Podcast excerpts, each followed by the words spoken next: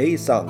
I avsnitt 22 av podden Livet på riktigt, Bussans vänner poddar gästas vi av sexolog-Katta och hon och jag pratar om öl, dans, sexologi och om vikten av att alla bör gå i terapi. Vi pratar även om andra stora och små livsfrågor. Väl mött kära lyssnare. Ni vet även var de andra avsnitten finns. Sådär! Hej! Hej! Nu är jag hemma hos dig. Välkommen tänkte jag säga, men jag är hemma hos dig. Ja, då får jag säga välkommen. Ja, tack. Kan du presentera dig? Eh, ja, eh, den är svår. Eh, jag heter Katta, eh, Katarina Sparholinkova Ja. och är husägare sedan två veckor tillbaks. Så vi sitter här i mitt kök. I nya huset. I nya huset. Sitter Eh, spana på den där, det behöver inte du jag göra. vet. jag blir lite nervös här. Ja. Nu, nu är det på riktigt. Ja, nu är det för riktigt. Ja, nu men, spelar vi in. Ja, men så här, men- pres- presentera sig. Det är så svårt för att ja, jag är 36 år gammal och jag eh, jobbar som skolkurator. Mm. Och jag är också egenföretagare, sexolog. Ehm, Det ska vi återkomma till. det ska vi återkomma till. Ja. Det kan man liksom inte bara säga och så Nej, bara, ja precis. det var det. Jag är har 36 i skonummer, så det är samma sak. Exakt. Eh, nej men så här, på min Instagram så står det att jag är feminist, sexolog, ölälskare och träningstokig. Okej, Och det är väl lite så jag är. spännande. Ja, så att jag har olika passioner och träning och öl är väl två av dem. Det tycker jag är spännande. Ja, och sen så är jag mycket så här för feministiska sexualpolitiska frågor i och med att jag då är sexolog också. Eh, Är det ett eh, tydligt lika med tecken där, sexolog och feminist, tycker du? jag var nog feminist innan jag blev Mm, Okej, sexolog. men, men tycker du, för du sa liksom att det, det hänger ihop absolut, Ja, ja, såklart. Ja, I och med att det handlar om Ja, jämställdhet och normifrågasättanden och sådär. Finns det några sexologer som inte är feministiska i sin framtoning? Det vet jag inte. Nej, spännande fråga. För jag tänker såhär, sexolog är inte en skyddad titel. Nej, Så alla som nej. vill, Ja, jag vet, ja. man kan ju läsa en bok och bara jag är sexolog för nu har jag läst den här duktiga boken. Ja, men det är som jag med mitt, jag är ju samtalscoach. Ja. precis. Så det är ingen sån Nej. i och för sig är jag certifierad, men, men, men, men, ändå KBT-coach. Ja. Men, men ändå, men ja, det är spännande med titlar också. Mm. Det är men, det. men, men backa, Ja, för 36 år sedan, var, var var du då någonstans? eh, då var jag i Tjeckien. Okej. och föddes. Mm. Eh, Så jag är från Tjeckien i och med mitt efternamn Holinkova. Spar är ju ingift, eh, Men tillagt liksom. Ja, Men. Tjeckien och lite pilsner då. Alltså det, åh. Mm. Jag brukar säga det, jag, jag föddes ju liksom med öl. Jag, En jag, tappkram. jag föddes, istället, precis, istället för en nappflaska fick jag en tappkram. Eh, nej, jag, jag minns ju liksom att jag har druckit så här ölskummet av Ja. min pappa när jag var ganska liten. Tyckte om det mycket. Liksom. Lukten. Var någonstans i Tjeckien? Eh, I eh, nord, nordvästra Tjeckien. Så att när vi bilade ner till Tjeckien så åkte alltid genom Tyskland och sen Ja, en liten bit in i Tjeckien. Ja, och sen de var är rätt nära, Ja, uh, Klarsterets Ja. heter stället som jag är född i. Ehm, så där, där bodde jag tills jag var, tills jag var två år. Eh, och sen så valde mina föräldrar Mm. Men det hette Tjeckien? det hette Tjeckoslovakien Tjeck- då. Ja, precis, ja. Så då under, under kommunismen så Ja, var det. Tjeckoslovakien. Mm. och sen på 90-talet så blev det Tjeckien och Slovakien. Men när jag var två år, 1988, så valde mina föräldrar att, att lämna landet. Mm. Eh, För de var inte så nöjda med det politiska styret. Nej. Så det, eh, det var en som visste om att de inte skulle bo kvar. Mm. Som satte mig och min syster, som är fyra år äldre, satte oss i bilen och åkte till Sverige på Mm. semester. Och så kom de inte tillbaks. Eh, Så de åkte till Småland. Där Mm. jag hade en morbror som bodde. Eh, Och där startade de liksom upp ett nytt liv för oss. Ja, ja, precis. Och jag vill fråga lite så här, för när jag var liten fattade inte jag riktigt varför vi flyttade till Sverige. Nej. Och var- folk var såhär, var det krig i Tjeckien? Jag bara, nej det var inte krig. Nej. Och mina föräldrar sa det, de bara, nej men det var så korrupt. Och det var liksom, de bara, vi ville att ni skulle ha en bra framtid. Mm, Jag och min syster. Så då, bara, då kände vi att vi måste söka lycka någon annans. Eh, och hade de väntat några år till så hade de kanske stannat kvar. ja, liksom. men precis. För det öppnades upp. Exakt. Ja, ja. Ehm, Men ni har inga konstigheter med att åka dit nu? Inte nu. Nej, precis. Vi hade, för Ja, de lämnade ju ja, hus och allting ja, och staten Ja, omtog, om, omtog ju huset. Så det var liksom en juridisk tvist i jättemånga år. Eh, och sen så fick, de, fick vi tillbaks vårt hus. Okej. Som vi då lämnade Tjeckien. Eh, som de sen sålde. Liksom. Ja, okej. Alltså de har ju vänner, eller vi har ju vänner kvar i Tjeckien. Släktingar? Ja, lite släktingar. Min farmor som vi hade mycket kontakt med, hon gick bort för några år sedan. Så henne hade vi liksom, hon var väl den som var närmast. Sen har jag en kusin och Ja, vänner till mina Ja. föräldrar och så. Eh, Men det var, det var många år sedan jag var där. Fint i Tjeckien, jag har varit där också. Ja men det är så himla fint och Prag är liksom. Mm. Ja, jag tycker. Prag är en av de vackraste Ja, städerna. verkligen. Jag har... Dit måste jag åka tillbaka. Det har vi satt på våran... Mm. Att göra om resa. Ja. Väldigt fint. Otroligt promenadväl. Man hittar Ja. något nytt varenda Ja. dag när man är ute och går i Prag. Ja. Och jag älskar ju det. Eh, det är väldigt fint. Men, men Småland, Ja. var då? Eh, I en liten, litet samhälle som heter Ruda. Som, Okej. Jag vet inte riktigt varför mina föräldrar valde just det. Eller min morbror bodde där. Så vi liksom, Och Ruda, om vi orienterar oss. om vi, det är det eh, liksom på öster sida i Småland. Eh, jag brukar säga tre mil från Oskarshamn. Ja, precis. Vet man inte vart Oskarshamn ligger så säger jag fem mil från Kalmar. Mm. Kalmar. Från Kalmar. Eh, och det roliga är att jag brukar säga Oskarshamn för att Ja. jag anstränger mig att inte Ja. låta småländsk. Ja. Men nu känner jag så här, nu är jag mitt esse. så där Ja. eh, är jag uppvuxen. Ja. Och det är inåt landet? ja. Nej, det är ganska nära kusten. Ja, precis. Ja. Så från Oskarshamn ser man ju liksom... Just det är nära där- Öland. Ja, precis. Det är Ja. den där viken in där. Eller är det inte en vik? Nej. Det är kanske ingen vik. Nej. menar Västervik. Nej, nej, nej. nej vi har ju. Västervik Ja. och sen har vi Oskarshamn och sen har vi Ja, Kalmar. Ja, precis. Så att Oskarshamn, vi kan kolla på en karta Ja. sen. Men söker man på Ruda så dyker det inte upp så mycket. Eh, nu är det mest så här hasch och kriminalitet. Okej. Eh, det var det inte när jag var liten. Okej. Jag växte upp och det var idyll liksom. Hur Det stort var är det? 600 invånare. Okej. Mm. Så väldigt litet. Oj. Sen har vi grannsamhället Ja. Högsby. Ja. Uh, Högsby kommun är liksom det är en del av. Ja. Så där gick jag i högstadiet och sen så gick jag i gymnasiet i Oskarshamn. Eh, Så vi ändå rört oss liksom i en ganska liten area. Och sen alltså, åkt, vi reste inte så mycket när jag var liten. Det var kanske någon så här tripp till Stockholm ibland för där hade jag kusiner. Ja. Men annars har vi varit mycket på Öland, Mm. Kalmar liksom. Och vem var du när du gick i skolan där, där nere i, i Ruda då? Alltså, vi var ju de första invandrarna Mm, Okej. eh, i Småland. Så vi var ju de som var lite konstiga. Eh, så i efterhand, jag har ju jag har en av mina, bästa vänner Ja. som jag lärde känna när jag var sex år. Vi har idag fortfarande jättemycket kontakt så vi är fortfarande väldigt nära vänner.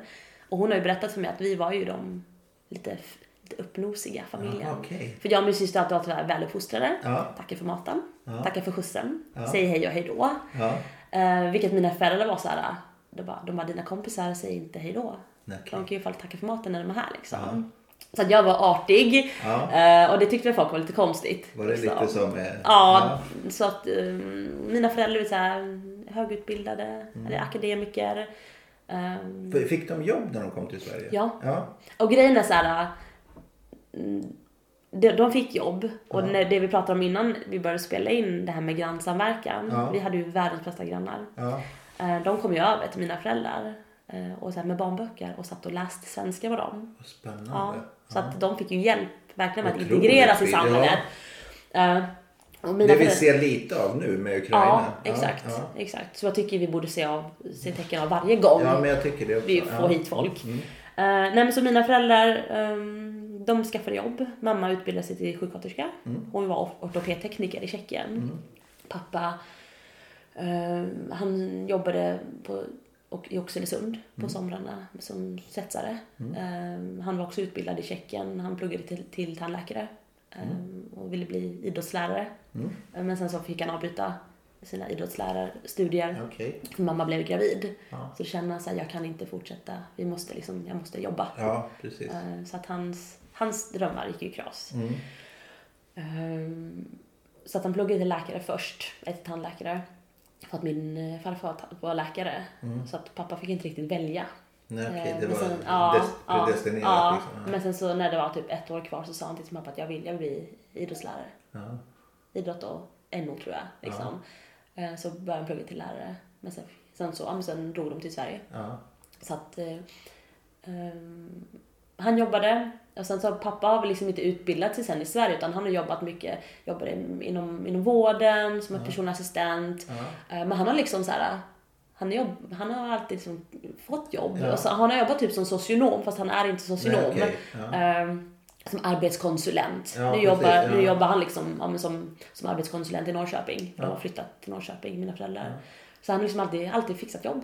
Så att Ja. båda är otroligt driftiga. Driftiga, precis. ja, och fixat jobb och liksom eh, Kan sociala det vara någonting som jag för min, min, min pappa var ju otroligt gammal när han rymde till Sverige. Han kom från Polen under andra världskriget. Mm. Satt i fångläger. Men, men just den här någonstans med där man kan känna sig att man har varit instängd. Att det finns när det blir när det finns utrymme så blir man väldigt driftig. Det finns något uppdämt behov kanske. Kommer jag att tänka på bara.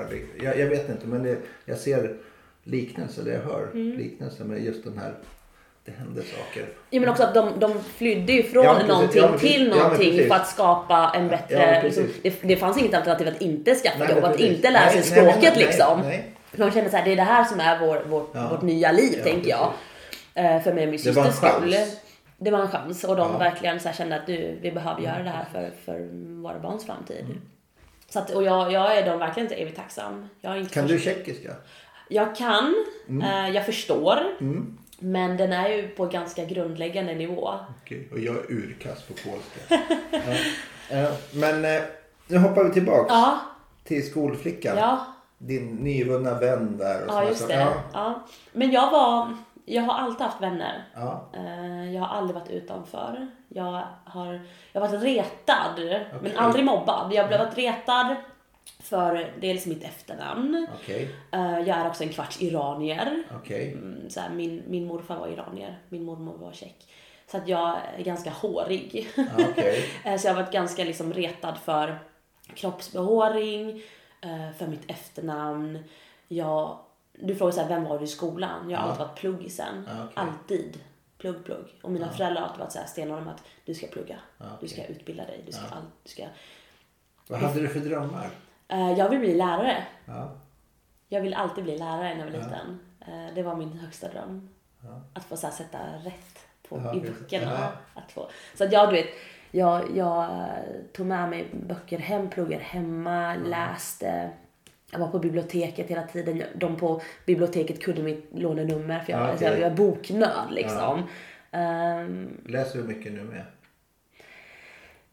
Jag lyssnar på poddar nu. Ja. Jag, jag så här, nu har jag handlat så här sexologisk litteratur för Ja. många, många tusen. Ja. För jag känner så här, jag vill verkligen nörda ner mig liksom, i det jag tycker är intressant. Så jag, jag läser, jag skulle vilja läsa, läsa mer, men jag har inte tid. Nej. Så jag lyssnar på poddar, lyssnar lite på ljudböcker liksom. Eh, Så Den det, andra tiden kommer. den kommer, jag vet det. Och jag försöker någonstans känna att så här, böckerna finns kvar. Ja, det löser sig. Nej, jag är otrolig bok, boknörd. Och du var studiemotiverad, du var pluggisen och så vidare. Fritidssysselsättningar förutom att läsa och plugga? Ja, liksom. det fanns ju inte så mycket i Småland. Nej. Men jag dansade. Ja. När jag, var, jag har alltid dansat. Det är en av mina, liksom, det bästa som finns. Eh, Så jag och min syster åkte, pappa skjutsade oss, eller mamma också, det var mest pappa som skjutsade oss. Till eh, grannsamhället Flisseryd som låg ungefär en och en halv mil bort. Så där gick vi på dans en gång i veckan. Mm. Och sen spelade jag fiol. Okej. Från jag var sju tills jag var typ 15. Eh, Så att fiol och dans. Fiol och dans? Ja, och sen liksom leka ut. Plugga och... plugga, eller plugga när Nej, man men- liten liksom. Men jag, men jag tyckte ja, om men- skolan, jag älskade Ja. skolan. Jag tyckte det var så kul. Du var ju vetgirig. Ja, Mm. och jag läste mycket tjeckiska böcker och jag var jättebra på tjeckiska när jag var liten. Eller det är väl typ alla barn som har något annat modersmål Mm. liksom. Eh, men jag kommer ihåg så här, du vet, mina föräldrar kunde fråga mig om ord, om min syster inte Ja, visste ett okej. ord så visste jag för jag läste mycket tjeckiska böcker Ja. och svenska böcker. Jag lärde mig läsa väldigt tidigt. Mamma sa, ah, du var typ fyra år när du lärde dig läsa och skriva. Jag bara, okej, kanske inte fyra, men visst, visst. Eh, Så att jag var nog väldigt, väldigt duktig. Ja. Och det har väl varit lite min... Är, är det positivt eller negativt? Nej men det är lite, exakt. Och det kan man känna lite att det är, alltså jag kan känna så här i efterhand, att varför har man så mycket prestation på ett barn? Ja. Varför ska ett barn leverera? Varför ska ett barn alltid få högsta betyg Ja. när man är så liten? Ehm, men jag tror å andra sidan att den här pressen som mina föräldrar satte på mig, det har ju fått mig att alltid så kämpa liksom och att inte, vara, inte nöja Mm. Så sig. den Ja. drivkraften, den... Den är ju bra. Ja. Men jag kan också känna att så här, för att min, mitt engagemang var ganska högt upp till högstadiet. Mm. Eh, och sen så föll det lite på gymnasiet. Och sen så kände jag att jag orkade liksom inte sen. Vad hände på gymnasiet då?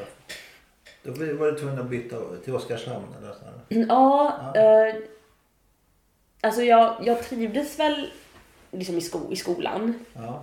Eh, Men sen kände jag att jag ville liksom, jag ville bort lite från, Okej. från landsbygden. Så i ettan på gymnasiet gick jag kvar i, i grannsamhället Högsby, där jag gick. Och sen så bytte jag till Oskarshamn i tvåan. Okej. För jag ville inte gå där längre. Jag ville liksom byta gymnasium och, Ja. byta, och gå på ett stort gymnasium och träffa Ja. nya människor och kanske träffa någon och Ja, bli kär liksom. Så i tvåan och trean gick jag i Oskarshamn. Ehm, och bara insåg att jag var inte bäst längre. Okej. Och det började redan på högstadiet att jag var inte bäst i klassen. Jag var duktig. Ja. Jag var duktig, men det finns de som var bättre. Var det jobbigt? Ja, Ja. det var jättejobbigt att jämföra sig med andra. Att liksom att de där är bättre. Men jag ju- Självbilden blev lite... Självbilden blev lite svajig och, Ja. jag, liksom, jag, och jag tror också att jag har haft ganska dålig studieteknik. Jag har så tryckt in. Mm. För att jag måste, inte för att jag Nej, vill, inte nej, för att så här, precis, nej. förstå sammanhang utan Nej. så här, man ska liksom trycka in kunskap och sen ska man leverera på prov och sen så kan man glömma bort det man har lärt sig. Så att, att min studieteknik inte var den bästa och att jag träffade personer som var, som var smartare än vad jag var. Okej. Det var ganska knäckande. Kämpigt. Ja, det var kämpigt. Ehm, men det gick bra ändå och jag liksom träffade fantastiska vänner på gymnasiet också. Så jag fortfarande, Ja, fortfarande kontakt med dem. En av dem ska gifta sig i sommar. Ja. Så vi ska på bröllop. Eh, men vi har kontakt. ehm, och gymnasiet var också Har ni nära. pratat om hur ni upplevde det? Nej. Nej? Eller vi har väl pratat om, jag har ju en av mina vänner, hon är läkare idag. Ja. Malin. eh, och hon var ju alltid, alltså det där är så här, du vet, ja, men är man läkare måste man ha lite så här geni i huvudet liksom. Man måste ju kunna, hon bara läste en, en text innan ett prov och fick liksom MVG. Och jag bara hade pluggat i två veckor och bara nästan inte MVG. Eh, och någon gång var det någon redovisning, jag kommer ihåg det fortfarande. Och då var det på svensk, en svensk lektion. Då hade vi någon muntlig framställning, och- alltså muntliga fram, redovisning. Jag älskar att liksom stå framför Ja. folk och prata liksom. Och jag fick MVG, det Ja. fick inte hon. Ja, det... Och jag bara Den- yes! Äntligen! Den lever du på. Ja, den lever. Den där, den där gången. Ja. Den enda gången. Ja. Och hon och jag, jag läste språk på gymnasiet. Jag tycker språk är jättespännande. Och eh, eh, vi läste ryska på Ja. gymnasiet. Ehm, och jag, eftersom jag kan tjeckiska så jag, har jag lite. Liten försprång. ingång där. Liten ingång till så här grammatik och så här, du vet, meningsuppbyggnad. Så jag var ju alltid lite bättre på henne. Lite bättre på ryska. Än vad Malin var. Så jag kände också lite så här. Där. Mm. Skönt. Den hör du Malin. Jag älskar Malin, hon är världens bästa. Ehm, men ehm, det är den här konkurrensen liksom. Ja. Den fanns där. Men- och det är så- bra. Ja, ja, men, på, ja men absolut. Jag tror inte man kan förringa konkurrens och krav och så vidare. Det kan man, jag tror inte man ska plocka bort det någonstans. Och, och sen en sund konkurrens. Det är väl där man kan Mm. prata och hitta balans. På, och, och, och plocka. Men krav tror jag inte man ska ta bort någonstans. Nej. Men problemet känner jag är att det blir ju osunt när jag liksom får ett VG och bryter ihop och börjar gråta. Ja, precis. Alltså när jag, när jag fick mitt första ut på Ja. universitetet, Ja. jag bröt ihop. Ja. Och då känner jag så här, för det är inte, det är inte normalt. Nej. Någonstans måste man kunna ta motgångar. Ja, men jag var alltid van att klara saker, vara bäst. Ja, precis. Eh, och sen kan jag såhär, alltså mina föräldrar, de är ju bäst liksom. Men den här pressen som sattes på både på mig och min syster, och den har vi pratat om så i efterhand och bearbetat så. Men att jag kunde komma hem och bara, ja men eh, hur gick det på provet sen när jag var, gick i grundskolan? Jag bara, ja men jag fick eh, ja, 155 av 157. Ja. Jaha, vad hade du fel på då? Ja. Alltså den liksom. Ja, och den blir- känner ja. jag liksom idag att jag kan känna såhär, varför? Varför var det viktigt? Ja, men titta på de Så, sakerna ja, istället ja. för att titta på allt. Allt varför jag hade Exakt. 155 rätt Ja, för. exakt. Ja, Eller såhär, varför ja. fick du inte MVG när jag fick Ja, VG? Och när jag fick MVG, bara, men det var bra. Ja, men precis. Ja, Det var liksom så förväntan. Ja. Så där, där ska det vara. Ja, och det Så det var svårt att liksom bli bra. Men det, man dög ju li- Det vart ju aldrig tillräckligt. Nej, precis. Så. Och där kände väl mina föräldrar så här i efterhand att de bara, jo men så här, vi, vi tyckte att det är klart att ni ska vara duktiga, så här, det, Ja. vi visste att ni Ja. kunde. Men jag hade väl känt lite så här, men bekräfta mig lite. Så här, Ja. Den hade jag nog velat ha lite Men, mer. men där kan man ju då titta som säkerligen och se på hur de hade det gentemot sina föräldrar. Ja, sin tur, i arvet, ja liksom. exakt. Speciellt min pappa. Mm. Alltså där var det otroligt höga krav och liksom också allt vad det innebär att vara, Mm. bli uppfostrad i Tjeckien liksom, när de växte upp.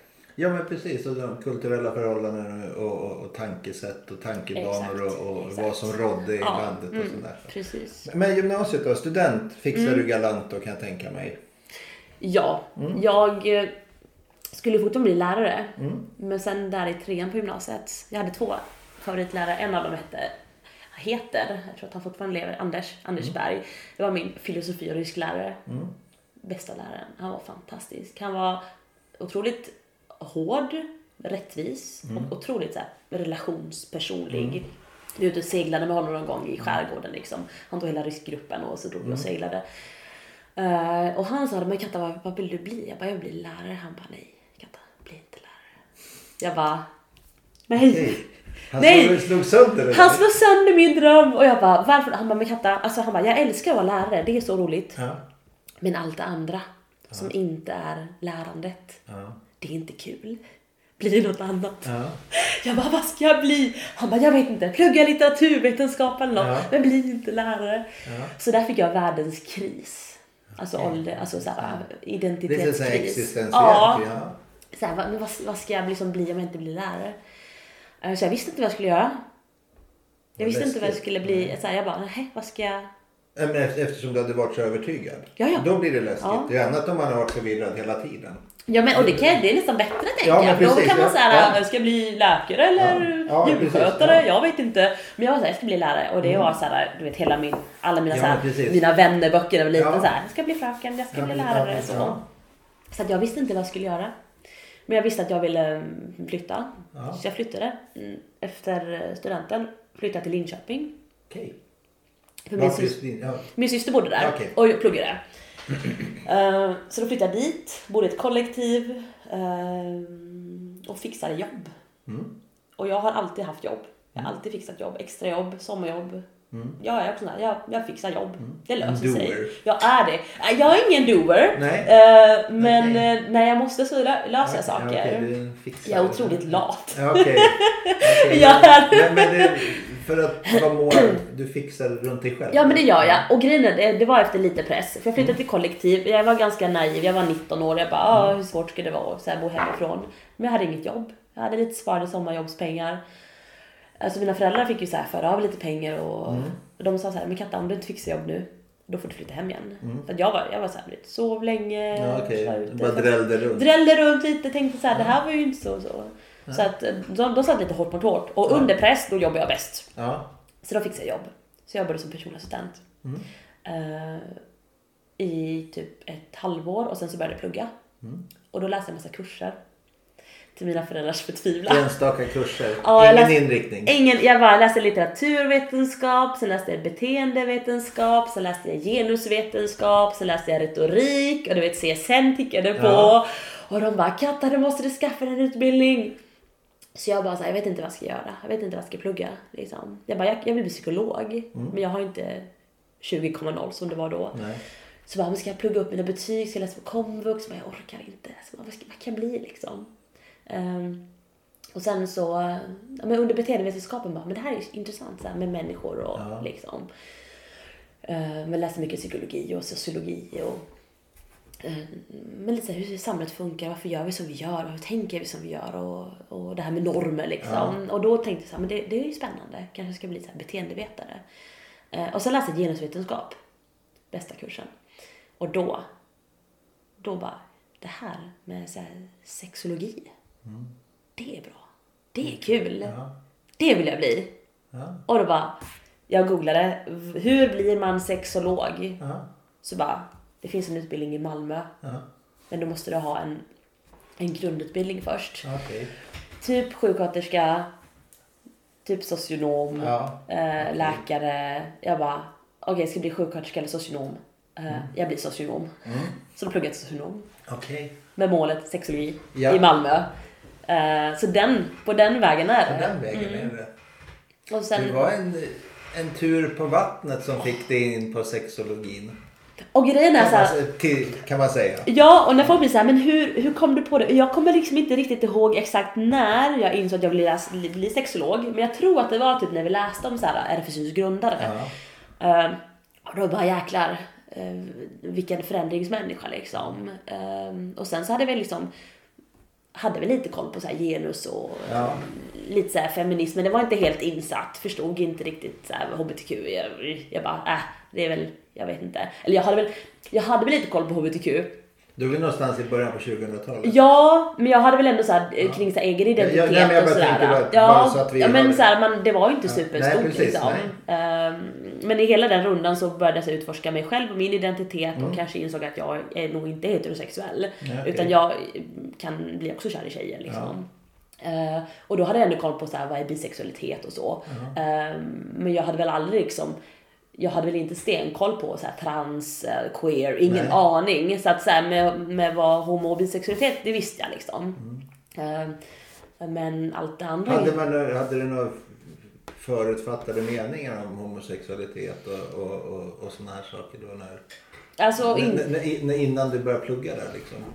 Alltså- hur är uppväxt och jag tänker hur, Ja. hur man pratade och... Alltså, och där har jag alltid tänkt, det brukar jag också tänka lite att jag har ju, det är klart att jag har fördomar, men jag har alltid känt så här, vad är det som folk blir så upprörda för? Ja, precis. När det handlar om så här samkönade relationer. Um, jag, min mamma, eller jag, min pappa och mamma var i Stockholm någon gång.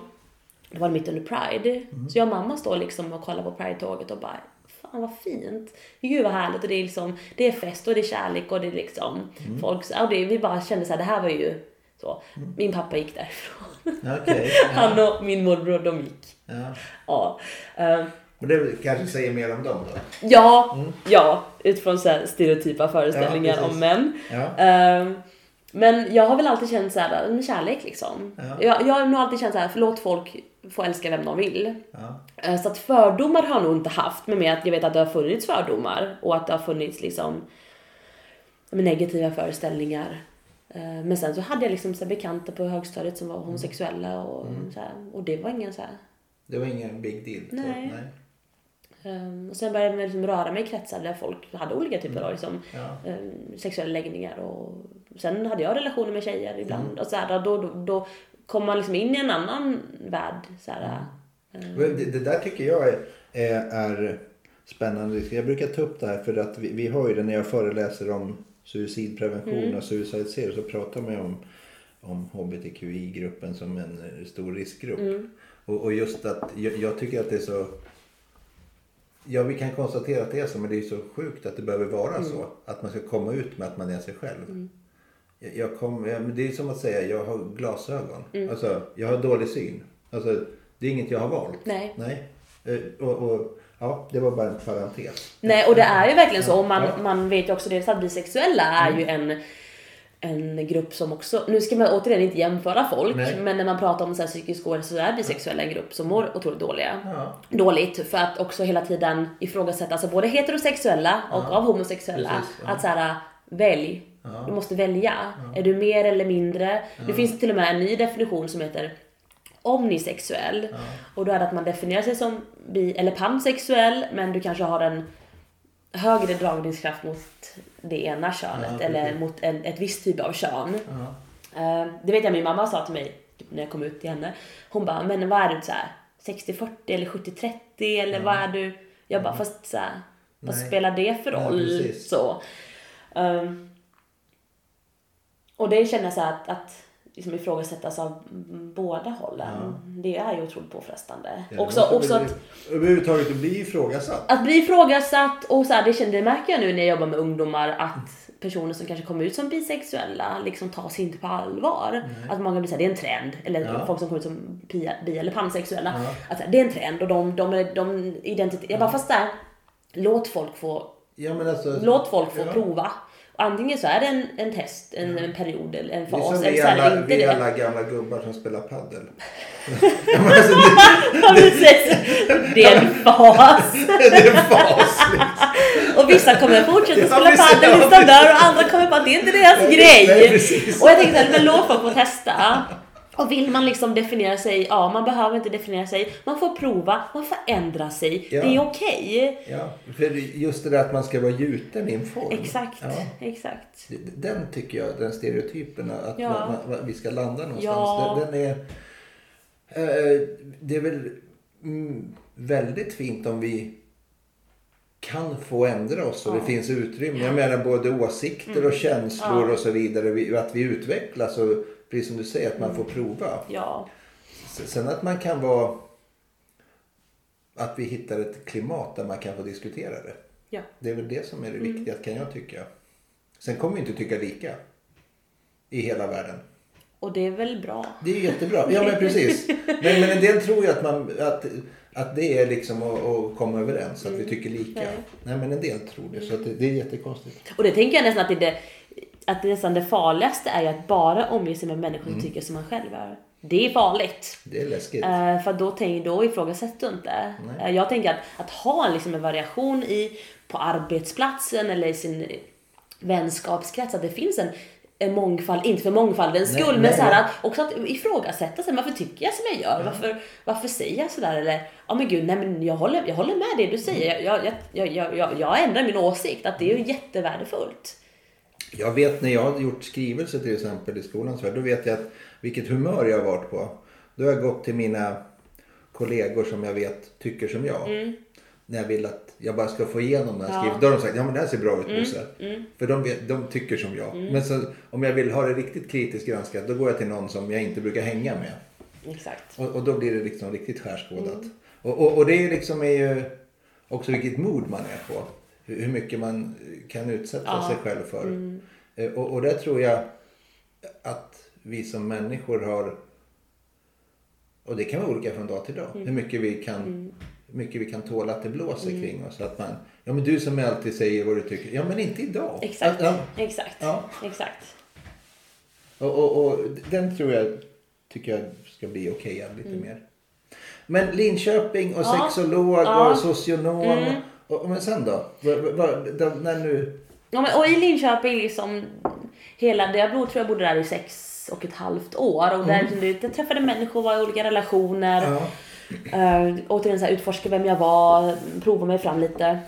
Hela en identitet och så. Eh, och sen så träffade jag min nuvarande man. Vi var med i samma spex. Här klassiker. Jag var koreograf, han Ja. var gitarrist. Ja. vi träffades en kväll, Ja. sen blev vi tillsammans. Eh, men jag sa till honom så här, ganska tidigt att jag, jag pluggar till socionom nu, men jag ska, jag ska flytta till Malmö. Jag ska bli sexolog. Ja. Gustav. Så du vet det. Eh, Jag kommer inte bo kvar i Linköping. Så att eh, om vi ska vara tillsammans så får du antingen följa med eller så får vi se om det Om tar slut liksom. Ja. Eh, supertydligt. Tydligt. Jag var tydligt. Det här, jag ska till Malmö. Mm. För det är min dröm. Så att du får inte stå i vägen. Eh, och eh, jag flyttade till Malmö. Bra produktinfo. Det här är vad du får. Expire date. Följ med eller stanna kvar. Eh, Så när jag flyttade till Malmö så körde vi lite distans ett tag och sen så kom han ner till Malmö och skrev sitt examensarbete. Eh, Och sen så pluggade jag. Älskar Malmö. Brukar säga att det är min andra stora kärlek här i livet. En av mina favoritstäder. Plus att mm, min, en av min, mina då bästa vänner bor där. Eh, som jag, Jennica, som jag lärde känna när jag var sex år. Ehm, vi återupptog kontakten när jag flyttade till Malmö. Och idag är vi liksom, ja, oskiljaktiga Ja. igen. Efter en liten paus där, på, efter högstadiet. Uh, nej men så jag började plugga min master i sexologi. Eh, och efter typ två år så var Gustav klar med sin utbildning. eh, men fick inte jobb Okej. i Skåne. Så han sökte. Sökte jobb och fick jobb i Södertälje. Okej. Så han flyttade till Södertälje. Och jag bara, det här, det här går inte. Ska jag och Gustav fortsätta vara tillsammans så måste jag flytta till Södertälje. Tycker inte om Södertälje. Jag tycker det är tråkigaste staden i Ja. världen. Jag har jobbat tre år i Södertälje Ja. för tusen år sedan. Ja. Eh, Så att jag, jag tog faktiskt en studiepaus. Mm. Och lämnade Malmö.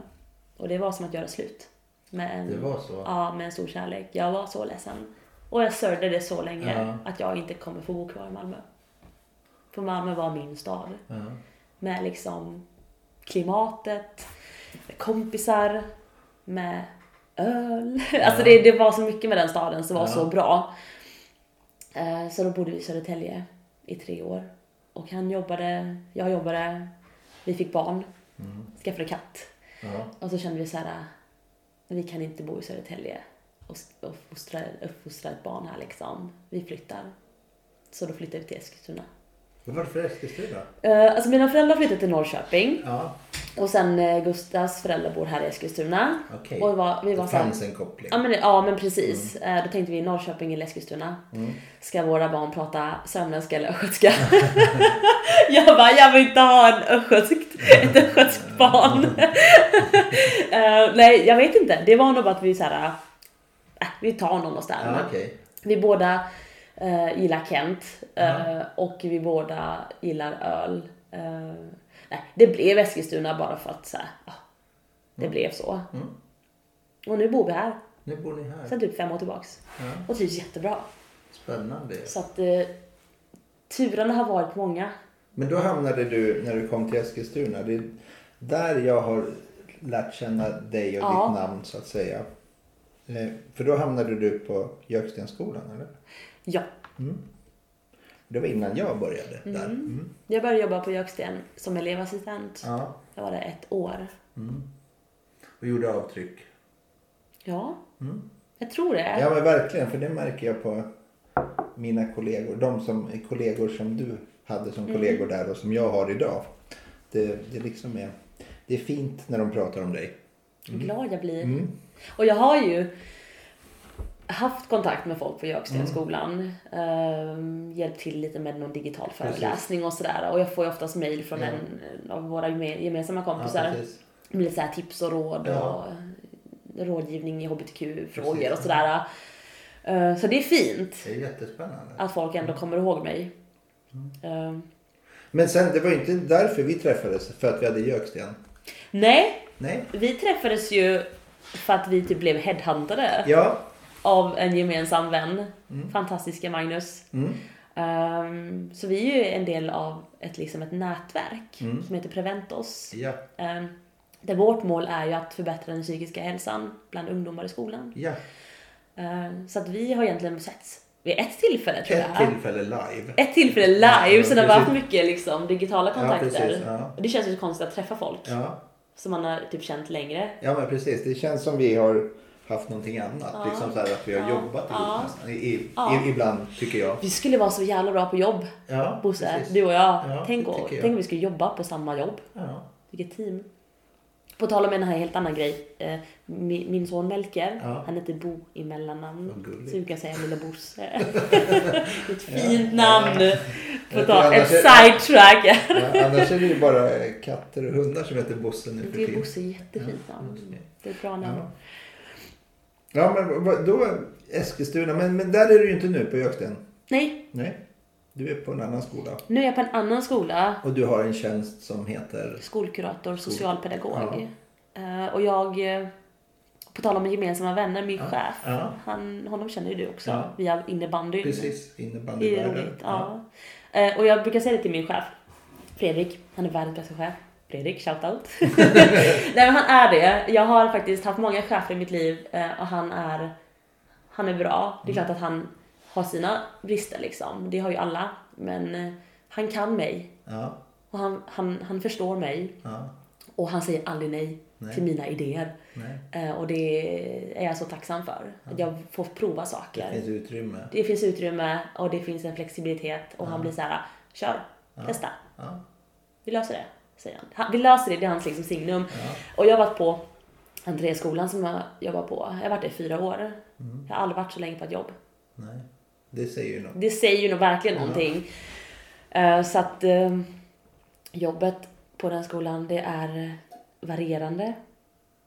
Jättejobbigt ibland, Ja, men också väldigt ofta väldigt roligt. ja. Men jag tror det är vi som har jobbat i skolans värld med, med barn och unga. Så här, jag har jobbat tusen år i skolans värld. Men just där och innan det så jobbade jag i sjukvården. Så jag har alltid jobbat med människor i princip. Och, just den där det här med vi som är relationella och vill ha en, något, det här riktiga mötet. När det, är på, det, det finns ju en anledning till varför min podd heter Livet på riktigt. Liksom att det, det, när det är så här äkta och, och då tror jag att man är som bäst som vuxen förebild i skolans värld.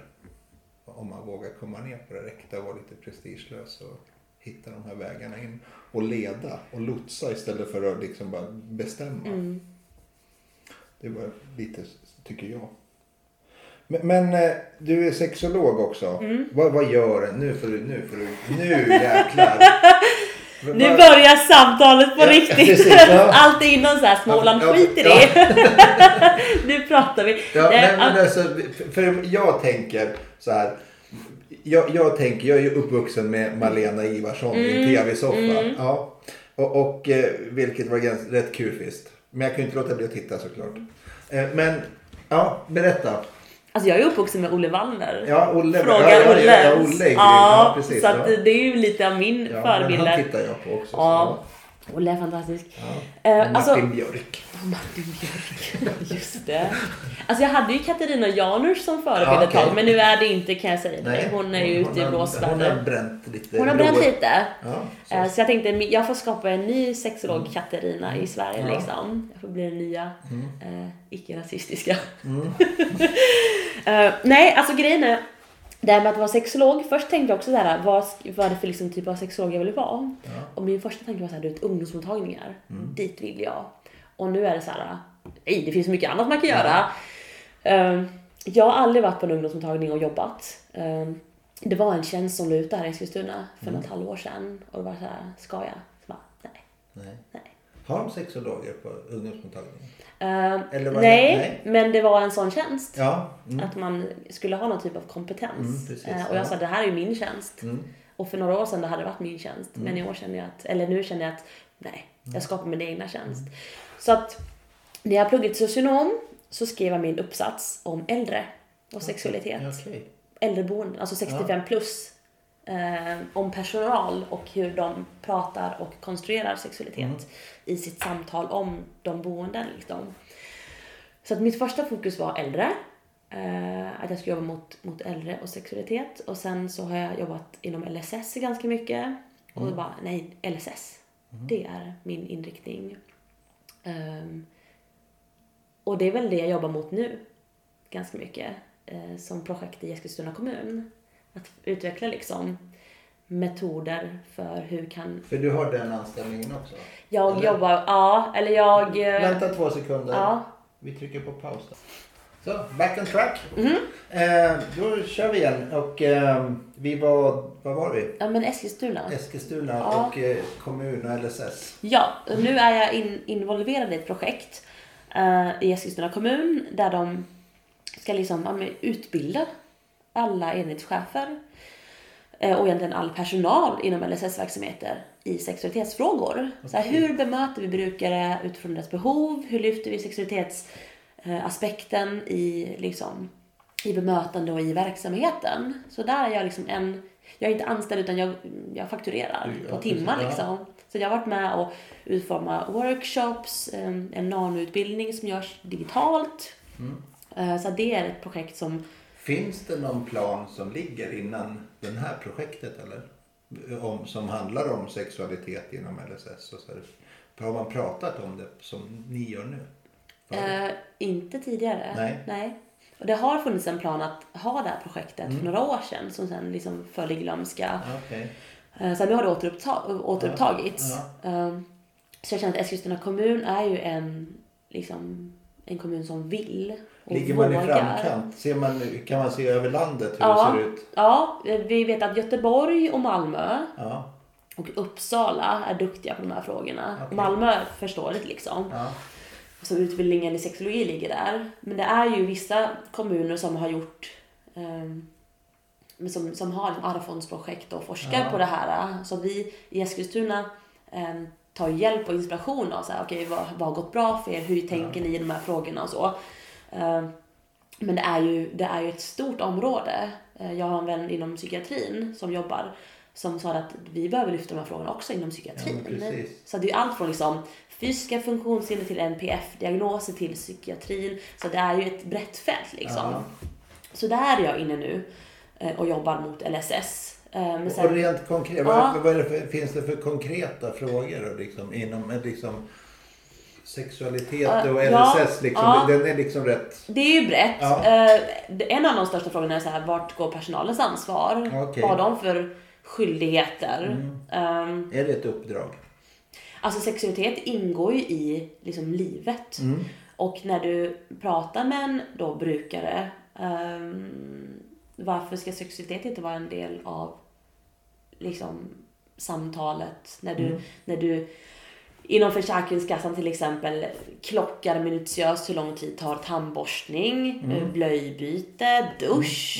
Mm. Då är ju, alltså det blir ju på något sätt så här, då är det ganska, det är ganska integritetskränkande när man jobbar liksom som vårdgivare. Mm. Du gör allt men du utesluter liksom sexualitetsaspekten. Och det känner jag att vi behöver få med den också. Och frågan är hur gör vi det? Mm. För att det ska vara liksom inte, inte integritetskränkande. Men också så att i många, många samtal så tänker kanske brukaren att, att vårdgivaren ska ta upp frågan medan vårdgivaren tänker att brukaren ska ta upp ja, frågan. Okay. Och så är det ingen som tar upp frågan eller mm. vågar lyfta liksom. Det finns uh, ingen naturlig plattform. Nej. nej. Uh, och jag tänker också det är ingen som äger pucken? Liksom. Ingen äger pucken nej. för att det, det känns som att man vågar inte ta upp frågan för man tänker så tänk om det blir fel? Tänk, om, jag, tänk om någon blir sur?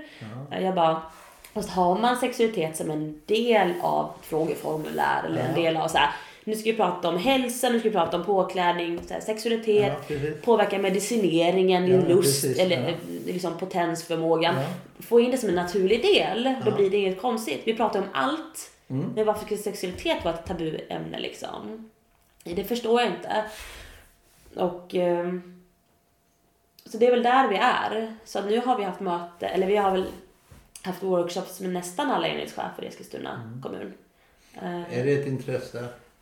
Ja. Alltså, är alla på liksom så här, så att det... Mm, väldigt många. Ja. Många är så här, det är svårt. Ja. Men gud vad bra att det tas tag i och att vi börjar prata om det. Men många är så här, hur? Hur ska vi göra? När vi har brukare på ganska så här, låga nivåer. Och, um, så då pratar vi ofta om att men, så här, bredda ordet sexualitet. Vad innebär ordet? Begreppet? Definition, liksom. Definitionen. Det är ju allt från närhet mm ömhet, relationer till faktiskt det negativa övergrepp och, mm. och tvång liksom. Men vi behöver ju vi behöver ju våga prata om det mm. först.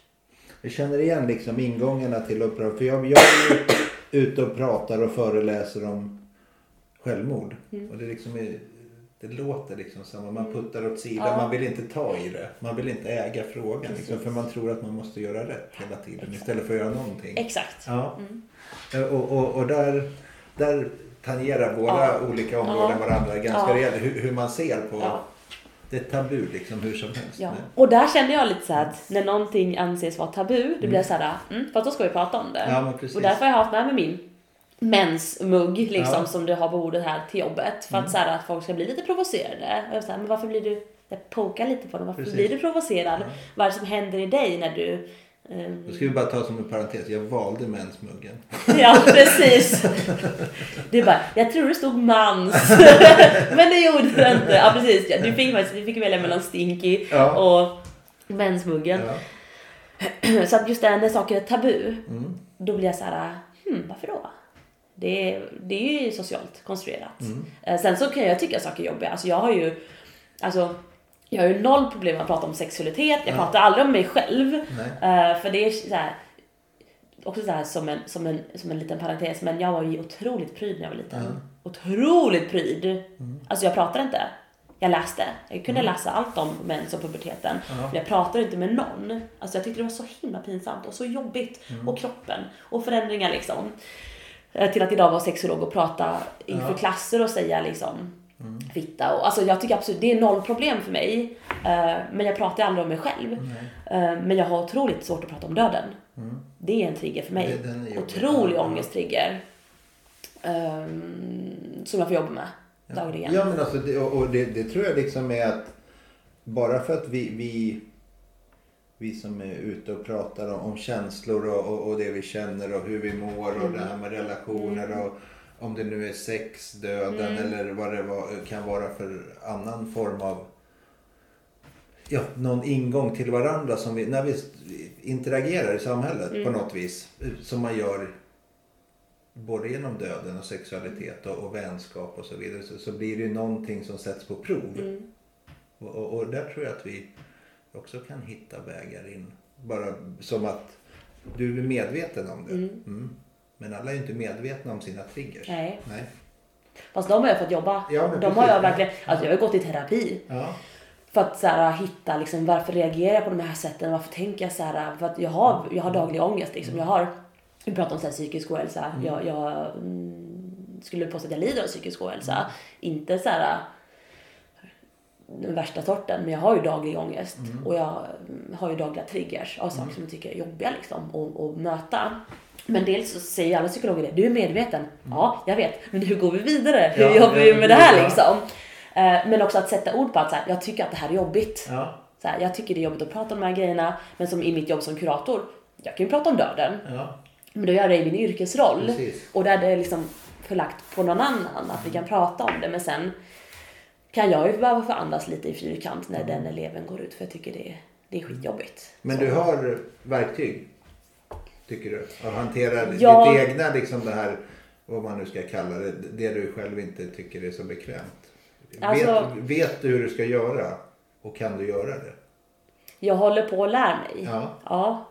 Eh, För de åren jag har gått och pratat med psykologer, då har det varit mycket dels bearbetning och förstå för varför jag är som jag är. Gör du det? Eh, Och nu gör jag det. Ja. Mm. Och det har varit mycket barndom, uppväxt. ehm, Så att förstå mig själv gör jag nog bättre idag. Eh, Och sen har jag liksom också försökt, alltså jag har fått tips och verktyg kring hur jag kan jobb- jobba när jag kommer upp i affekt, när jag får de här tankarna. Ehm, när jag... Går du i terapi fortfarande? Nej, Nej. jag har gått i... eh, Jag var med i ett forskningsprojekt Mm. på Karolinska institutet. Eh, Där föräldrar som hade mycket oro och ångest eh, skulle liksom... Jag fick vara med i en grupp Mm. där vi sågs det var tredje vecka. Mm. Eh, För att kartlägga kring så här, för vi över vår oro och ångest till våra barn? Mm. Ehm, och jag har ju en femåring som har noll oro och ångest. Så jag har liksom fått tips och verktyg kring hur jag ska hantera för att inte föra över Mm. mina tankar och känslor till henne. Och det är jobbigt. Mm. Att kanske inte hela tiden säga akta, akta, se upp. Var rädd om dig. För akta den trappen, akta stenen fem meter bort. Så att, så back, att backa. Ja. Eh, de brukar säga det så här för fort och för snabbt. Att man ska liksom låt, låt barnet få prova Ja, liksom. precis. Eh, så det Jag, finns... jag brukar ju vara krass åt andra hållet. Jag, det finns plåster liksom. Alltså, Eller, ja. så länge de inte dör. nej, men, nej, men, nej, men alltså, kan jag säga lite kaxigt så här. Men jag, jag, men jag försöker tänka så. Mm. Liksom, för att eh, det, det finns ju någon den här still learning how to crawl. Liksom, det här att man, vi, vi, vi reser oss igen liksom, på, på något vis. Det ingår att ramla lite. Mm. Jag menar det är som när man lär sig gå. Mm, Kan de inte första gången så de kommer ju fortsätta. Exakt. Ja, det är som med många andra. Nu ska jag inte förebrå dig med, med di- dina saker, det är inte alls så. Men, men, men det, det finns ju en, en tanke med att Ja. vi, vi, vi ska ramla omkull. ja, Tror jag. ja.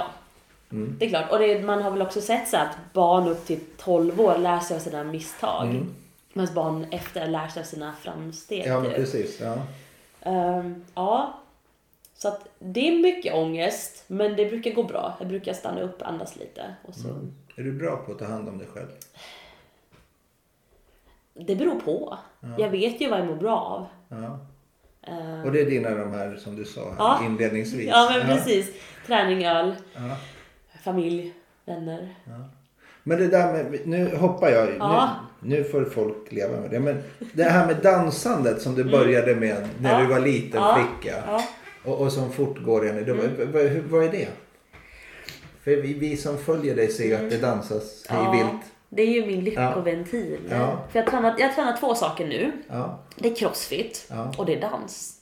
Crossfit är ju skönt efter. Ja. Dans är fantastiskt under. ja, Så det är två helt olika träningsformer. Ja. Men som ger mig olika saker men som ändå, just, det, med, just med psykisk ohälsa och ångest så är ju träning, för vissa kan det vara en trigger. Mm.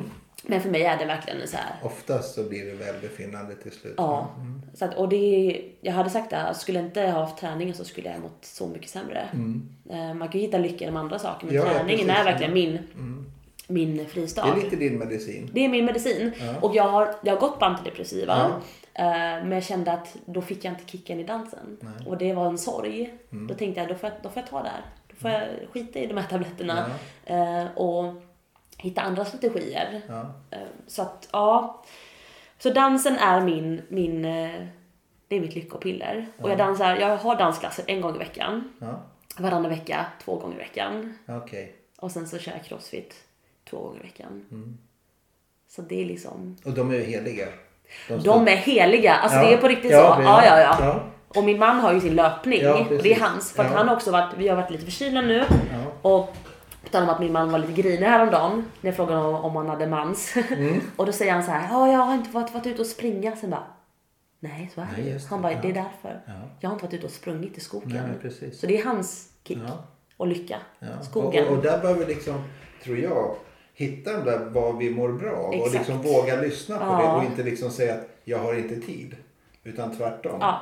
Jag måste göra det här för att jag ska ha Ja. tid det. För Där tror jag rätt många slarvar Ja. Med, med sig själva. Att man förringar sig, sig, sitt egna mående. Mm. Och väldigt många säger va? Har du tid att träna så mycket? Du har ju två barn. Jag bara, fast det här är- det är vår, det är vår, Ja, vår precis. tid. Ja. Och vi behöver det för att bli, vara bättre Ja, föräldrar. precis. för att orka med liksom livet. Så att Ja. vår träning är helig. Ja. Den Ja, är det. Jag tror det är Ja. klokt. Ja. Och, och, och en del tycker att det är konstigt att man ska schemalägga må bra tid. Men det, jag tror att det är viktigt. Ja, och lite här, ska vi åka iväg någonstans och känna så här, ja fast jag har träning på lördag klockan Ja, nio. Då åker vi efter det. Ja, men precis. Det är så lätt att bara säga, ah, vi kan träna någon annan gång. Ja. Nej, fast det är Nej, liksom de nej, det- tiderna. ja. Och jag behöver struktur och rutiner. Ja, ja, ja precis. Och, och, och, och det, där är vi olika. Mm. Jag har ju fått mycket mer struktur, struktur och rutiner efter när jag blev frisk från min depression. Mm. Så jag, väl- jag var ju klacksparksbosse förut. Liksom. Det löste sig. Mm. Men nu har jag väldigt mycket kalender och det funkar. Och, och jag är, mår väldigt bra i det. Mm. Jag mådde, alltså innan depressionen så mådde jag inte dåligt hela tiden av att vara klacksparksmänniska heller. Men det, jag märkte vart det hamnade. Jag blev ju sjuk till slut. Så, så att det kanske inte var bra för mig. Nej. Nej. Men, men, men det där är ju väldigt olika. En del klarar ju av det där. Mm. Ja. Men, men eh, dans. Med ölen då. Jag, har ju, jag, är, jag är förvisso eh, alkoholfri sedan tre år tillbaka. Men jag har ett jätte, jätte, jättestort ölintresse. Och har varit med och, på bryggeriet i Strängnäs. Jag har åkt runt världen. Jag beställde öl och drack öl jämt förut. Olika sorter. Och jag ville bara få ölprovningar till höger och vänster. Var på ölfestivaler och så vidare. Eh, och du fick ditt i modersmjölken då? Mm. Mm. Och hur ser det ut nu då? Ja, Vad- vad- fortsätter i modersmjölken tänkte jag säga. Ja. Nej, alltså det var väl, det låter ju, det är inte så att det är någon sån här alkoholistvarning för Nej. mig, men en av mina största sorger när jag blev gravid, Ja. det var ju så här: nej, min öl. Mm. så att jag har ju utforskat det alkoholfria utbudet Eh, och det är, det är faktiskt helt okej. Mm. Det är ju riktigt bra. Jag är ju Det- där nu. ja, jag, jag, ja. jag är ju... För jag är ju riktigt nördig. Ja. Mm. Så jag, jag har ju hittat otroligt mycket alkoholfria. Och det kan jag rekommendera. Det går också att importera. Och det finns Ica Maxi här i Mm. Ja, Ica. Maxi är så bra. Ja. De har så bra öl. Ja, Ja, och sen absolut. så finns det, om du vill åka till ett ännu bättre Ica och dricka låg alkohol Ja. i, så ska du åka till Ica Liljeholmen. Mhm. Alltså de har 400-500 eh, folköl och alkoholfria sorter. Alltså på Ica, alltså på en Ica. Ja, de, Ica Möllan i Malmö Ja, är också fantastiskt. Och det är också det som är grejen, att jag kan ibland känna att nackdelen är just att det finns all, alltså all, de har alkoholstarka. Ja, ja, precis. Jag tycker det är så gott. Ja, det tyckte jag med. ja, Mm. så att det är ju, jag och min man har också börjat utforska lite så här, men folköl och mellanöl, Mm. att det finns bra öl. Och jag tycker om de här lite konstiga ölen, så här Mm. suröl, tycker jag är väldigt, väldigt gott. Så att ölintresset är stort. Uh, sen är inte jag så här nördig så jag vet liksom hur processen går till, Nej, om det är kall och varm, varmjäsning och så. Nej. Det är lite så här nördigt och jag, jag har ett intresse av att lära mig men jag kommer liksom inte ihåg. Nej. Jag blir så jag tycker det är gott att smaka Ja, med smakkombinationer och sådär. Så det dricks öl. Mm. eh, så sent som förra helgen. Sen så kan jag ta en öl på en vardag. Bara för att det är så här. Ja. Varför inte? Ja, jag håller med dig. Mm. Men, men, men, men för det där är spännande, för det, det får man inte förringa heller. Jag är ju ingen som, som står och propagerar. Bara för att jag är alkoholfri sedan tre år tillbaka så det passar mitt liv så tänker inte jag. Min fru dricker Mm.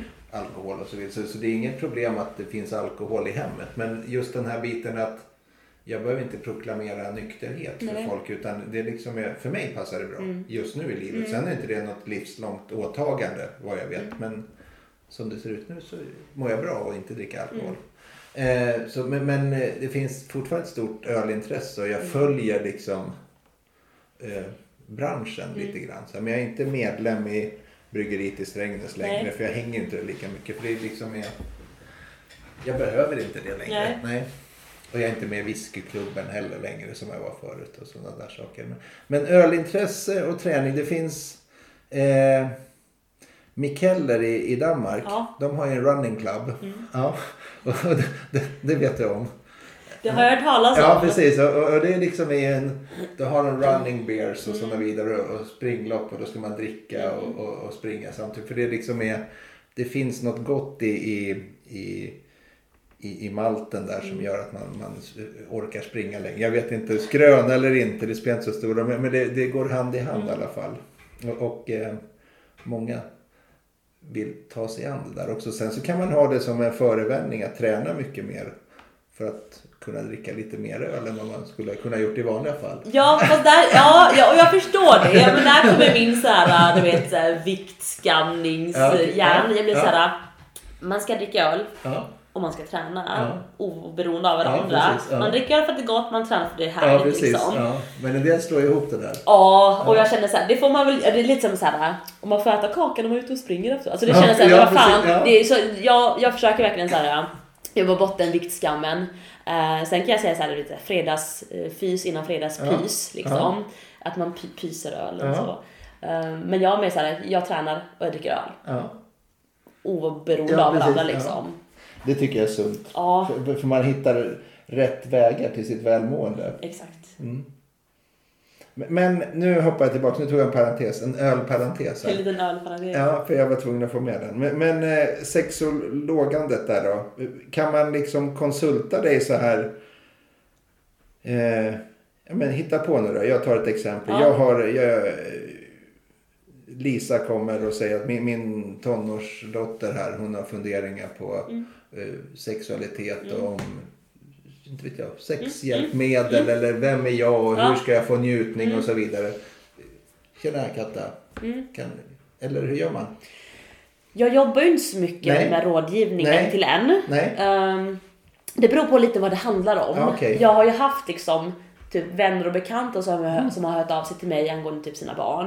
Och jag har varit såhär, vill de skriva till mig på min Instagram så är de jättevälkomna. Då kan jag ha en privat chatt med dem. Mm. Ja, liksom, precis. så. Ja. Jag jobbar ju inte som terapeut. Nej. Eh, jag jobbar inte med par. Nej. Eh, jag har väl uttalat mig i någon tidning någon gång så här, om så här, polyamorösa relationer, Ja. liksom vad det är och vilka fördomar som finns. Eh, men jag jobbar ju inte med så här, samtalsrådgivning. Så där är jag ganska, jag har också blivit kontaktad av folk och jag Mm, bara såhär, precis, ja. tyvärr jag kan liksom inte, det här om frågor om så här samlagssmärtor och sådär, jag bara, det jobbar jag inte med. Nej. För det är inte, det har jag liksom inte kompetens kring. Nej, okej. Ehm, så det jag jobbar med det är väl mer så här utbildning. Ja. Ehm, sen har jag ju mina nischer just nu mot så här HBTQ och Ja, LSS. Ja, men precis. Det har jag ju koll på. Ja. Eh, Sen så har jag lite allmän koll om så här lustproblematik och så. Ja. Men oftast vill jag också vara förberedd. Ja. Om jag ska... För det finns, då kan jag tänka, då finns det liksom en allt som har med sexologi, Mm. det pratar man med dig om. Alltså det, det är bara för att Ja men det, det kan hon. Det, tänker folk så då? Ja, Mm. Det tror ja, jag. Men precis för att det är Men liksom... sexologi är så stort Ja, och det precis. kan handla allt från så här omskärelse Ja, till liksom samlagssmärtor till, till um, övergrepp och Ja, alltså precis. förstår Ja, du, lustproblem. Alltså det, är- det är jättebrett. Ja men ex, exakt. ja, ja. Jag blev, så här, jag blev kontaktad av eh, en annan podd som heter tror Fetischpodden. Okej. Jag känner så här, det är ju inte ett område som jag kommer i kontakt med Nej, så mycket med fetischer och så. Så det känns så här, vad kan jag tillföra till den podden? För att det är inte, jag jobbar mest med ungdomar liksom. Så att eh, det finns, sexologin är ju otroligt brett Ja. och jag kan inte allt. Nej. Eh, Men, och, men det, det kan jag tänka mig att folk tror liksom den här eh, att det blir snävt bara för att det Ja. finns en sexolog som Ja. skulle kunna allt. Men det är Ja. också för att vi som inte är sexologer är för dåligt pålästa. Ja. Ja. och fokuset Ja, handlar så mycket om, om ja, sex. Ja men precis. det om vill själva bli, sex. ja, och det, tanken är också att när jag brukar berätta om utbildningen i Malmö, Ja. jag bara, det var väldigt lite sex vi läste. Ja. Det var så mycket annat vi läste. Som inte var fokus sex. Så att, Jag, jag måste bara lägga in att redan på när du måste ha varit liten så, så jag läste ju historia på universitetet och då en av de första genushistoriska kurserna som var på universitetet i Stockholm läste jag. Mm, så jag läste genus med Yvonne Hirdman. Oj! Den du. Jag har en bok av henne. Ja, den du. Jonkillan. Ja, hon hade jag som Ja, eh, föreläsare då. Mm. stort. Mm. Det var bara en parentes det Ja. också. Men, men det, Nu var jag lite mer imponerad. Ja, ja. Så, så, så det var coolt. Ja. Ja. För det var rätt tidigt. På, på, måste ha varit 95 eller 96. Mm. Så, så det har jag högskolepoäng i. Det är coolt. Eh, så så det, där var jag med liksom rätt mycket tidigt. Fa- Fast egentligen så tycker jag också att det borde ha varit en självklarhet innan också. Så, men, men, vad, vad kan du ge oss med på, på resan här nu då? Om- vi tänker att några ord på vägen så här som tycker att som är viktiga som har med, inte vet jag, med sexologi att göra eller relationer och sånt där. Eller träning och dans. Vad, vad, vad är viktigast för dig tycker du? Om, om, vi, om vi tittar på den unga människan och sen kanske den, den familje... Ja men den som är i din ålder och sen så de som kanske är de här 65 plus människorna. Har du några råd och tips till olika kategorier av människor? De du träffar i skolan, de här unga Ja, människorna. ja. Vad säger du Jag, till dem? jag tänker på dem och Ja. lite så att så här, man, får, man får prova. Mm. Det är okej att ändra sig. Ja. Det, jag brukar säga det, att jag har haft många elever som liksom funderar kring identitet och Mm. så här, könstillhörighet. Jag blir så här, det är okej. Så här, Mm. Vill du testa ett annat namn, gör det. Känn efter, känns det bra? Du får ändra dig, man får komma ut, man får ångra sig. Alltså så här, det är okej. Det är liksom så länge du inte gör ingrepp som är alltså icke återkalleliga så, så får du testa dig fram. Ehm, det, det är okej att, att, att prova. Och lite så här också att, att det är klart att det finns, eller det, det, inte det är klart, det, det finns ju också elever som har svårt att förstå det här med till exempel icke-binära och sådär. Att, att, att läsa på. Och Kunskap är viktigt. kunskap är jätteviktigt. Ja. Och jag, jag brukar alltid säga att det finns inga dumma frågor. Man får fråga allt när jag är ute i klasser och när jag har ele- elever in hos mig. Man får ställa vilka frågor som helst. För att just det där med att, att vara icke-binär och folk förstår inte riktigt. Och jag bara, jo fast så här, vi, vi behöver inte förstå. Vi behöver ju acceptera. Också att länder har infört liksom tredje kön. Det visar på att det finns väldigt många som inte vill kategorisera sig i den ena eller andra köns, könsfacket liksom. Det är inte som att det är något på att någon person någon gång har bara känt att jag är inte man eller kvinna utan det här är ju många som känner det. I och med att ja men liksom olika könskategorier och det finns liksom tredje, tredje kön, det finns pronomen för att inkludera. Det är jätteviktigt. Också för att förebygga psykisk ohälsa. Det är viktigt med språket där. Det är jätteviktigt. Ja. Också det här med, Med tilltal och språk. med pronomen Ja, och namn och tilltal. Ja. Eh, och där känner jag så här, det kan ju också möta ett motstånd eh, av omgivningen. Att säga, ah, vad jobbigt, nu måste man ändra och nu, Mm. vadå hen, nu ska jag, åh, nu blev det fel och nu, åh, vad, vad jobbigt. Och jag bara, fast är det jobbigt för dig? Tänk då för den personen som alltid blir felkönad och alltid Mm. Precis, blir bemött med skepsis och får höra fel namn, fel pronomen. Ja, precis. Du, det är inte jobbigt för dig som ska ändra ett litet ord i ditt vokabulär liksom. Eh, så kunskap och lite så här, det är okej, man får ändra sig och man får prova sig fram. Ja. Och, och den som är... De här människorna som är... Man ska ju ta dem mellan 30 och 60 då. Mm. Den, kategorin människor, där, den är ju väldigt... Där, där har det hänt så mycket. Det Ja, spannet ja. med hur, hur man ser på livet överhuvudtaget. Så det är ingen homogen grupp Nej, överhuvudtaget. nej. Verkligen inte. Men, men, men, om vi, jag klumpar ihop dem i alla fall. För, Mm. jag tycker, för det spännande det är ju de här eh, bortskämda 90-talisterna kommer in där. De blir Ja. 30 nu. Och så, så, här, så att det är... Eh, och, och, och sen är det sådana som jag. Som födda på 60-talet. Mm. Som lever uppväxta i någon hippieflum-era. Så att, men men Ja. eh, hur, hur, hur kan man prata med dem då? Med, med fördomar och hit och dit. Jag tänker att folk har ju alltid haft fördomar. Mm. Man har ju alltid tänkt att ah, dagens ungdomar, Ja. det kan jag också ibland säga, Ja. "Vad gud, herregud. Ja. Så, och lite så att vi har ju alltid haft åsikter om de som kommer efter oss. Alltid och kommer alltid ha. Och är det inte elsparkcyklar så är det hårdrocken eller Ja. så är det bara när man har den diskussionen, alltså hårdrocken förr eller videovåldet, porrdiskussionen. Ja. Alla generationer har ju sin, sitt Ja, orosmoment precis. liksom. Elvis Presley juckade när han dansade. Exakt, Ja. Beatles liksom. eh, att, att män hade långt hår. Alltså bara den. Så att, att man behöver också så lyfta blicken lite.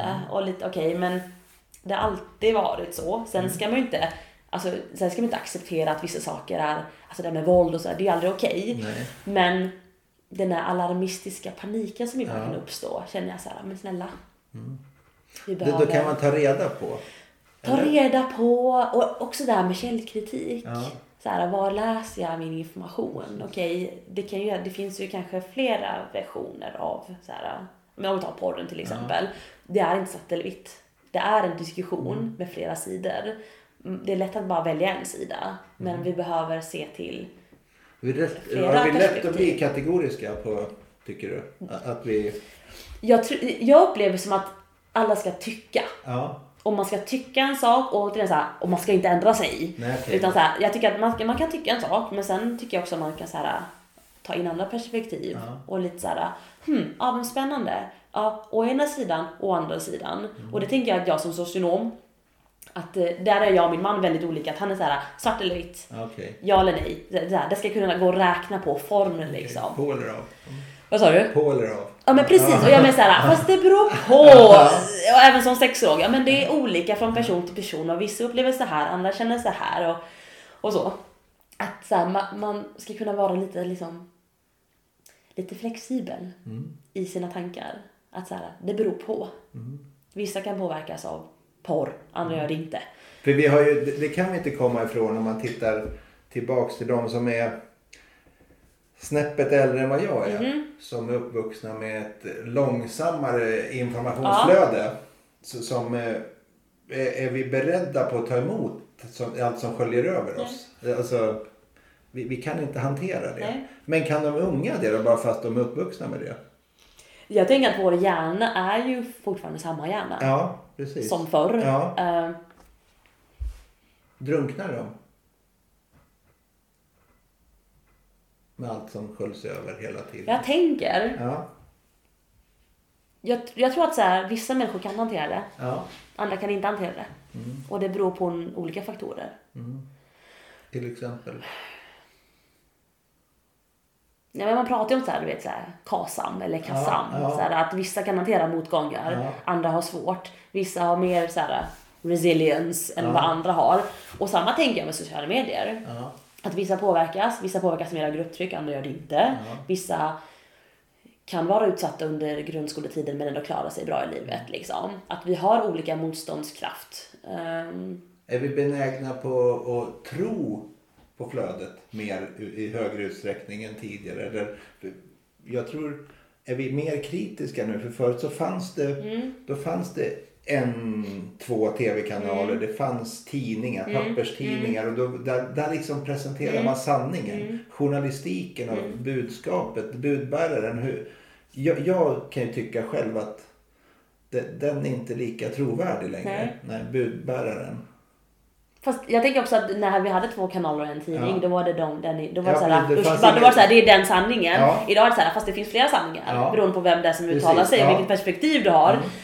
Eh, och jag tror ändå på att skolan är bra på att rusta elever med kritiskt Ja. tänkande. Ja, så där har vi en ja, motkraft. precis. Okej, vi har inflödet men nu har vi också utflödet. Mm. Och det är, utflödet hjälper vi vuxna som jobbar med ungdomar Mm. till med. Och sen så, det, jag behöver också hantera mitt kritiska tänkande Ja. liksom. Eh, Så att mot, mot alla liksom, rörelser finns det en motreaktion. Och den tänker jag behöver finnas i en balans. Och ibland känns det som att det digitala flödet går lite snabbare än Ja. att vi hinner rusta ungdomarna med ett kritiskt tänkande. Om du förstår vad jag menar. Ja, precis. Eh, Jag kan uppleva att, att nu låter jag också så här, dagens ungdomar, men att Ja. eleverna är otroligt duktiga liksom på att vet, göra TikTok-videos och så, men Ja. de kan inte göra en vanlig googling. Nej. Att vi ibland behöver så här, gå tillbaka till det grundläggande. Precis, lite basic. Ja. Lite, och, och samma också gällande sexualitet när Ja. jag pratar med ungdomar. Att jag kan få så här ganska avancerade frågor men sen när jag liksom slänger upp en bild på, på, på en snippa på Ja. en, en, en, vad heter det? en projektor, Ja. då blir det någon så här Va? Finns det tre hål? Ja, alltså precis, lite ja. basic. Ja. Hur ser ett könsorgan ut? Ja. här, vad är sex? Ja. Vi kanske inte behöver prata om allt det avancerade innan vi har grunden liksom. Eh, så att, Men, men, men där kommer jag att tänka på en grej. Jag hörde det här med så, när man pratar om penetreringssex Ja. och nu man benämner det omslutande sex. Ja, liksom, bara, vi pratar om ord. Mm. Ja. Jag bara, bara ville lägga Ja. till det. Så, så att, och det är ju en språklig ja, Ja, grej. precis. Ja, så här, vem har makten? ja precis. Ja. Eh, är det Ja, patriarkatet precis, ja. eller är det liksom... Precis, ja. ja. Jag kan tänka mig att den, den måste ligga i flödet Ja, i ja, diskussionerna ja. nu. Ja. Och även när man pratar om, alltså för att prata liksom om inkludering, så Ja. jag, jag kan ju ibland säga så här kvinnor eller personer med livmoder. Mm. Att så här, definiera inte alla kvinnor som kvinnor. Alltså det kan ju finnas transkvinnor Ja. eller transmän. Ja. Att personer med livmoder eller kvinnor, Ja. att även vara inkluderande i språket. Ja, ja. Det, är, det är superviktigt. Kissa. Ja. Då rullar vi igen. Då rullar vi. Ja, vill du få lite vatten där? Ha? Nej, men jag har kvar faktiskt. Eh, nu är vi på slutklämmen här. Va- Vart var vi nu sist här då? Mm. På, Mellan människorna. ja, precis. Eh, och eh, då ska vi titta på de här 65 plus. För det, det kommer... Eh, jag ska gå en vidareutbildning inom Suicide Zero som heter Våga fråga äldre. Ja. Så att jag ska utbilda, sikta in mig på den här 65 plus-gruppen också. Du pratade tidigare om äldre och, och sex och så vidare. Och då ser vi också en, en, en större generationsgrej också. Som inte, de har inte varit unga i den här IT-generationen. Så det var bara det jag skulle säga. Hur, hur, hur funkar det med, med sex och prata med 65-plussarna? då, de här? Några är ju kvar från hippie-eran. Med frigjord sex och det var, man brände bh och alla sådana saker. Och, men men, hur, hur funkar det med, med pratet och tänket kring 65 plus människor och sexologi? Jag tänker att Och många, genus. ja, jag tänker att många kanske aldrig har fått frågan om sexualitet. Nej, Ehm, det är som det är. ja. Ja. Eller? Kanske en del tänker. Jag tror att många, vissa kanske tänker det. Mm. Eh, vissa kanske också kan bli väldigt förnärmade av att få en fråga. Mhm. För att det anses också vara privat. Okej. Eh, jag tänker synen på sexualitet Mm. som någonting privat till offentligt till, alltså det har också gått, gått i cykler. Mm. Eh, synen på genus, liksom manligt Mm. och kvinnligt. Eh, samtidigt tänker jag lite samma sak som med personer inom LSS. Alltså samhället behöver ju möjliggöra till liksom sociala alltså möjlighet att skapa sociala kontakter. Eh, Och har vi ett samhälle som kan skapa sociala kontakter för personer som gått i pension, därmed sociala nätverk och att träffas, bryta isoleringen, som är ett problem för främst män. Eh, Det vet vi att män, eh, äldre, eh, isolerar sig Verkligen. i högre utsträckning än kvinnor. Har vi liksom möjligheter till sociala sammanhang i samhället. Ehm, och relationsskapande så, så här, möten, samtal. Ehm, det kanske inte har liksom med sexologin att göra. Nej, men det men, därför med välmående. Välmående, Och nya, nya relationer och IT. Alltså, jag jag tänker att, att, eh, att så här, hur träffar vi varandra? Om det inte är på dansbanan, då kanske men det är på en virtuell dansbana. Ja. Eh, jag tänker på Dagny som gick bort nu. Ja, Vår äldsta bloggare. Kan hon så kan vi andra också. ja, men precis. Alltså min mans farmor, hon har Facebook. Ja, Hon är gammal. Men hon skriver ju och skickar hjärtan Ja, och emojis. Ja. För att hon har lärt sig. ja. Så att kan vi liksom skapa arenor för människor att mötas oavsett funktionshinder, ålder.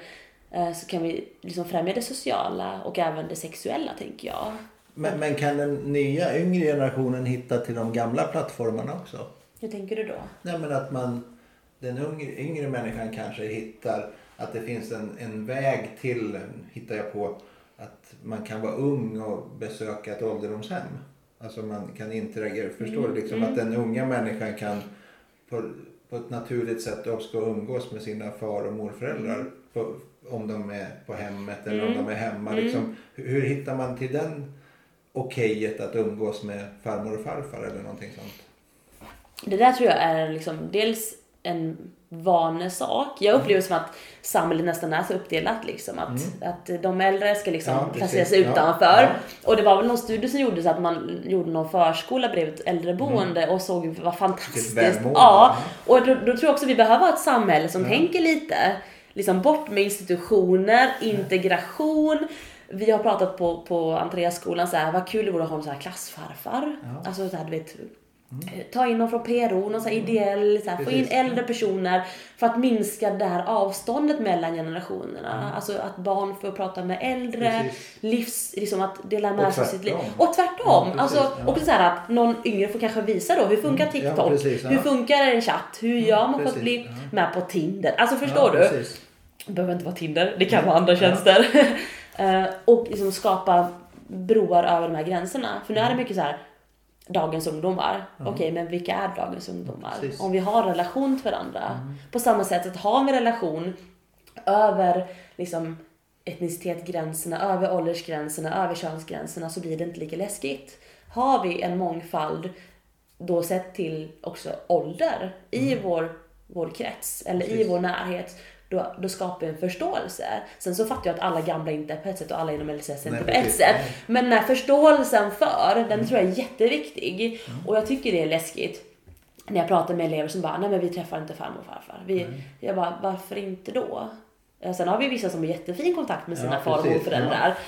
Ja. Eh, jag är uppvuxen, jag hade, eh, min mormor dog när jag var fyra. Mm. Jag är uppvuxen med farmor som var hos oss varje sommar mm. och liksom bakade och fixade och mm. så. Så att, att ha en äldre nära är jättevärdefullt.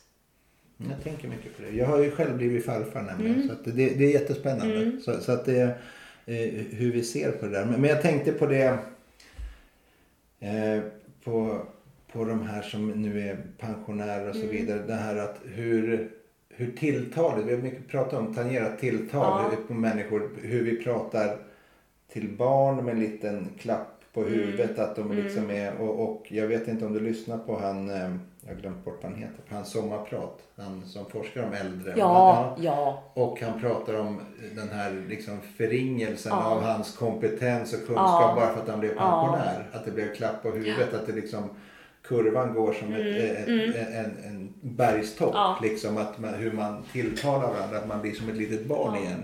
Och ingenting om att han har varit professor och föreläst på United mm. Nations och så mm. vidare och sådana här saker. Utan bara att, ja, 65, ja, ja du mm. gamla farbror mm. ungefär. Ja. Och det är ju så för, ålderismen ja, som förekommer. Ja, mm. Och den skrev jag också om i min uppsats ja. gällande sexualitet och äldre. Att det finns dels en ålderism men också synen på sexualitet och äldre mm. är ju liksom att det är någonting äckligt. Mm. Att det är kopplat till typ dementa gubbar som tafsar på unga tjejer inom mm. vården. Alltså det är oftast ja. kopplat till det, till det negativa. Um, bara synen på hbtq plus personer ja. de äldre. Det är liksom det tänker man ju inte heller på. Nej. Det perspektivet har man ju inte med sig. Eh, två, två killar, två män, killar. Mm. Två män som ses, de är ju bara vänner. Två mm. kvinnor, de är väninnor. Jag bara, mm. Eller så har de kanske en relation Precis, liksom. Ja. Eh, eller bara synen på på äldre som flyttar in på boenden, att mm. de får inte ens bo i samma Precis. Alltså vad är det för integritet? Ja. Alltså det är fruktansvärt. Mm. Alltså vad, vad gör det med, med en person som har levt? Ska någon annan bestämma vem jag får sova bredvid nu? Eller om vi inte ens får bo i samma, mm, samma läge. Det, alltså det är fruktansvärt. Det är ruggiga statements. Ja.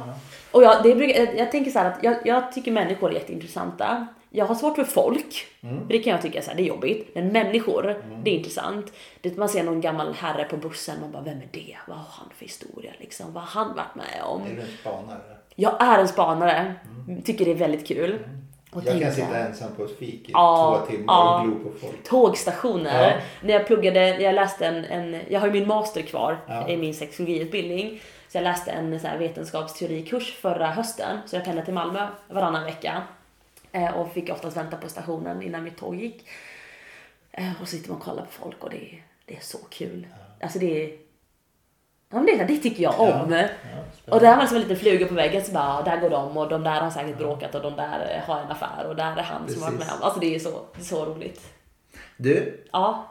nu får du hitta på några slutklämsord mm. på det här. För nu ska vi runda av. Ja. Jag känner ingen press. Nej, nej men det, man behöver inte ha något. Man behöver, skrattet kan vara ett väldigt fint avslut. Nej men jag tycker det är så... Han är lite så att all, alla borde ju typ gå i terapi. Jag tycker alla borde få prata så här. Om sig själva. Och så analysera. Nu har jag ju bearbetat ganska mycket och analyserat. Alla borde gå i terapi. Ja, men bara för att förstå sig själva. Ska vi sluta med det? Vi slutar med det. Alla borde gå i terapi. Härligt. Alla borde gå i terapi. Tack för att jag fick prata med dig. Ja, vilket nöje Bosse. Ja. Så trevligt.